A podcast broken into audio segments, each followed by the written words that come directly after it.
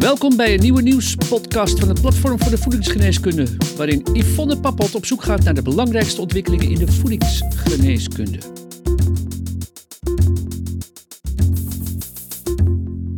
Hallo professional, welkom bij de nieuwspodcast van Voedingsgeneeskunde, waarin we je inspireren over de rol van leefstijl, voeding en specifieke nutriënten in relatie tot gezondheid en ziekte.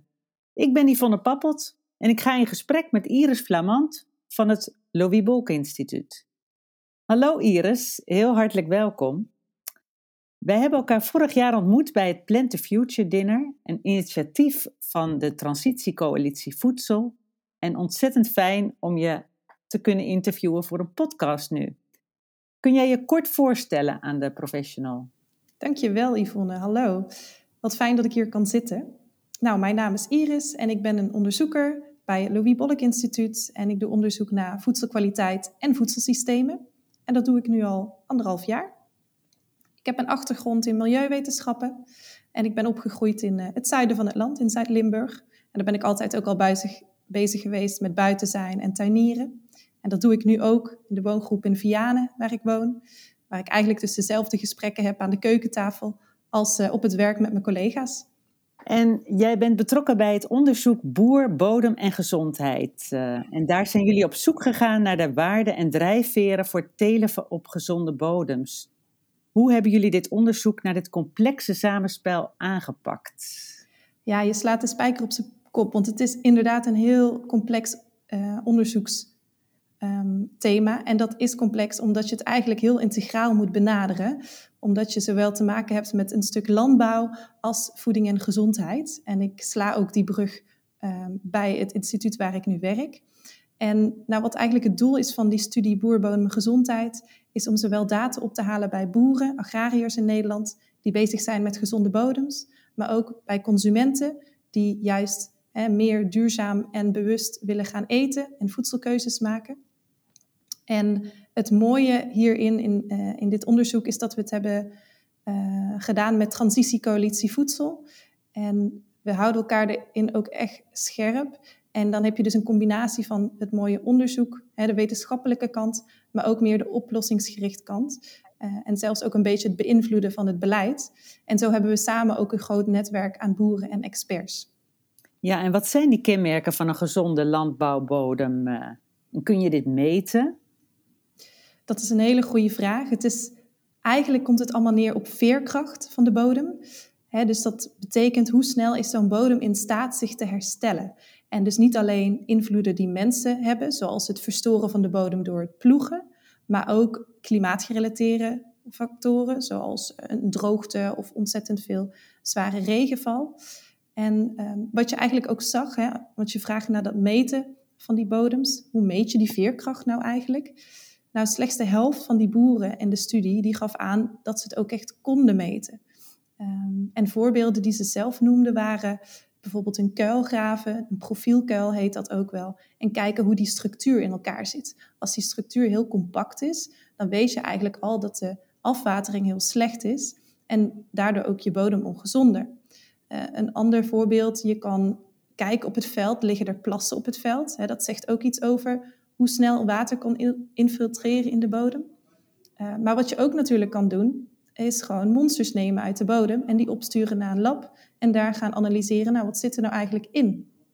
Daar is dus geen standaard voor, als standaard meegenomen in het onderzoek, uh, Iris. Nee, dat klopt. Uh, het is zo dat er wel een standaard methodiek is, uh, de BLN, de bodemkwaliteit voor landbouwgronden in Nederland. Maar die is nog in ontwikkeling onder andere door de Wageningen Universiteit. En wat je daarin ziet, is dat er heel veel indicatoren worden meegenomen. Volgens mij op dit moment zit het al rond de 30. Dus je moet je voorstellen voor zo'n boer, als die 30 verschillende indicatoren moet gaan meenemen. Dus hè, uh, bijvoorbeeld en dus die waterhuishouding en de biodiversiteit en, en, en. Dat, dat is ontzettend duur en niet meer praktisch. Terwijl wij als Louis Bolk juist een praktische oplossing willen aanbieden. Dus uit het onderzoek bleek ook hè, wij gaven als advies, we moeten eigenlijk zo'n indicatorenset, dus zo'n standaard, Yvonne, hoe jij dat noemt, ontwikkelen. Praktisch voor boeren, misschien maximaal 10 indicatoren, dat zij iets kunnen zeggen over hun bodemstaat. Helder. Hebben jullie ook gekeken naar de invloed van de bodem op de gewassen?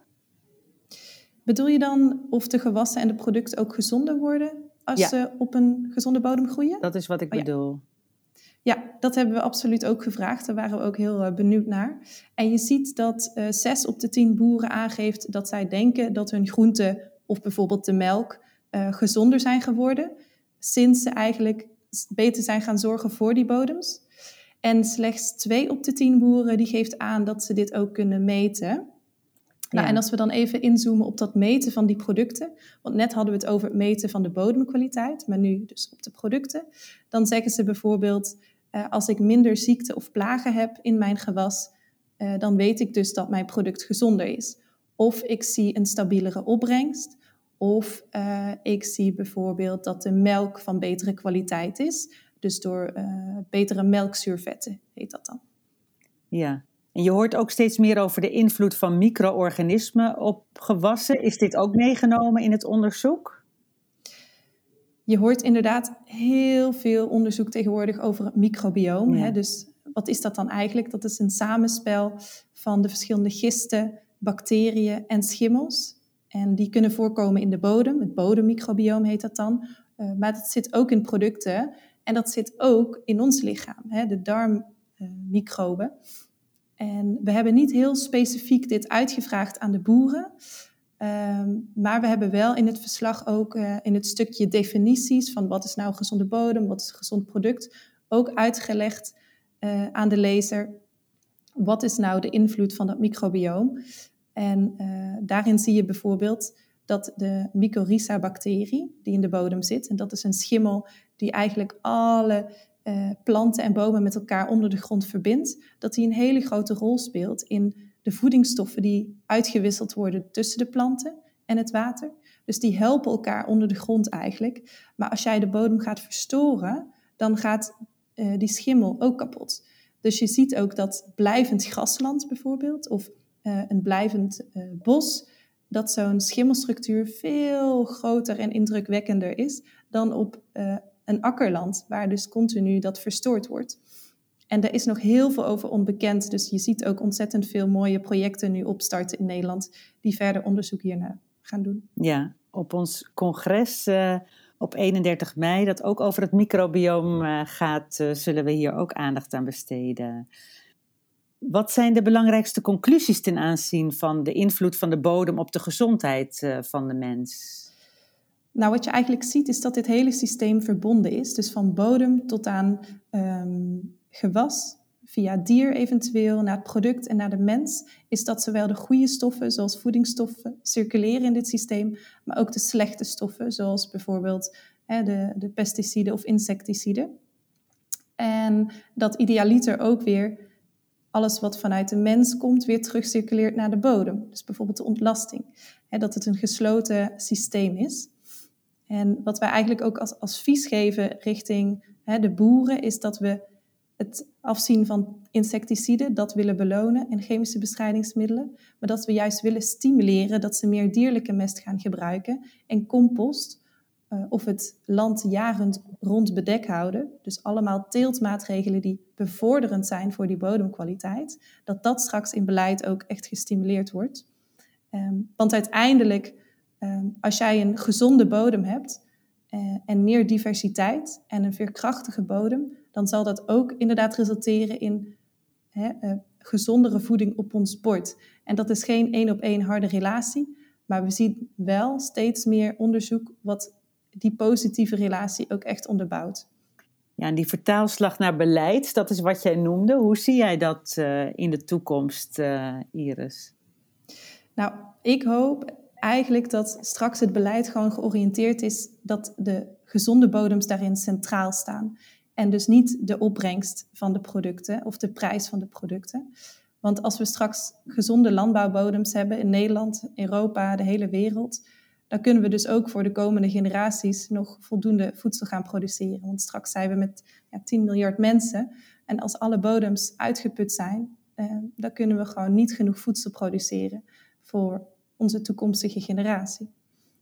Ja, en En hoe reëel is het dat dat beleid ook uh, ingevoerd gaat worden? Kun je daar iets over zeggen? Dat is inderdaad een hele moeilijke vraag om nu te beantwoorden. Maar wat ik denk is dat op korte termijn de visie voor gezonde landbouwbodem centraal stellen in beleid er niet komt. Maar hopelijk op de lange termijn wel. En dat ook als je kijkt naar de Europese wetgeving, daar heb je nu de ontwikkeling van de European Soil Health Law. En daarin wordt dus een algemene definitie ook gezet van gezonde bodems, bodemkwaliteit. Alleen het gevaar daarbij weer is dat elk land weer zijn eigen beleid daarop mag maken. Dus de vraag is, wat gaat Nederland hierin doen? Ja, dat blijft nog een, uh, een spannende vraag, zeg maar. Uh, wat wil jij de professional tot slot meegeven? Wat kan die hierin betekenen? Uiteindelijk zijn we allemaal consumenten. Ik ben onderzoeker, maar ik ben ook consument. En ik wil dus de professional meegeven als jij voor dat schap staat, bijvoorbeeld in de supermarkt of als je naar de boerderijwinkel gaat. Kies dan uh, voor producten die ook echt van gezonde bodems komen. want dat draagt niet alleen bij dus aan een beter milieu, maar ook aan je eigen gezondheid en de gezondheid van de boer. En hoe kan je dat dan herkennen? Nou, dat is nog steeds lastig, want je hebt bijvoorbeeld een keurmerk voor biologisch. Dan weet je in ieder geval dat er geen kunstmest of pesticiden zijn gebruikt. Uh, maar ga in gesprek met de boer, idealiter, als je die kan spreken. Vraag, hoe zorg jij voor je bodem? En uh, ja, geniet er ook vooral van, van dat eten van onze gezonde bodems. Dat we daar meer bij stilstaan, dat is ook belangrijk. Uh, komt er ook een vervolg op jullie onderzoek? Absoluut. We zijn nu alweer in gesprek met Transitiecoalitie Voedsel om verschillende lijntjes op te pakken. Dus richting specifieke doelgroepen bijvoorbeeld, van gezond voedsel voor mensen met een kleinere portemonnee. Dat ligt er. En anderzijds, uh, wat ik al eerder vertelde, dus het ontwikkelen van een indicatorset, een simpele indicatorset die de boeren in de praktijk kunnen gebruiken om bodems die gezond zijn te definiëren. Dus dat zijn al twee sporen. En ik hoop uh, dat we daarmee uh, dit jaar nog kunnen starten. Wij blijven jullie volgen. Tot slot, eh, Iris, we doen altijd een uh, woord van de week. Uh, wat is jouw woord van de week? Oh, dat weet ik wel. Uh, dat is veerkracht. Dat noemde ik eigenlijk ook al in het begin. Want als je een veerkrachtige bodem hebt, een veerkrachtig mens, een veerkrachtig dieet, dat wil zeggen dat je zo divers mogelijk eet en een zo vers, divers mogelijke bodem hebt. Dus ik ga voor veerkracht dan. Heel mooi. En daar voeg ik biodiversiteit aan toe. Ik wil je heel hartelijk bedanken voor dit gesprek. Uh, wat fijn dat je je conclusies uh, van jullie mooie onderzoek uh, met ons hebt willen delen. Dit najaar worden de resultaten gepubliceerd en dan ga je ook een artikel schrijven voor voedingsgeneeskunde. En wij houden jullie graag op de hoogte. Professional, bedankt hoor voor het luisteren. We hopen dat we met deze informatie weer een steentje bij hebben kunnen dragen aan jouw kijk op voeding. Wil je op de hoogte blijven van het project Boer, Bodem en Gezondheid? Ga dan naar louisbol.nl slash projecten en klik op Boer, Bodem en Gezondheid. Volgende week is er weer een nieuwe nieuwspodcast, dus graag tot dan. Via vakblad, website, podcasts en een jaarlijks congres biedt voedingsgeneeskunde al meer dan 20 jaar professionele en wetenschappelijk onderbouwde kennis. Gratis voor niets, het laatste nieuws in je inbox. Schrijf je dan in voor de wekelijkse nieuwsbrief op www.voedingsgeneeskunde.nl. Redactie en productie Yvonne Papot. Techniek Sjoerd Kaandorp. Voedingsgeneeskunde is een project van uitgeverij Media Medica.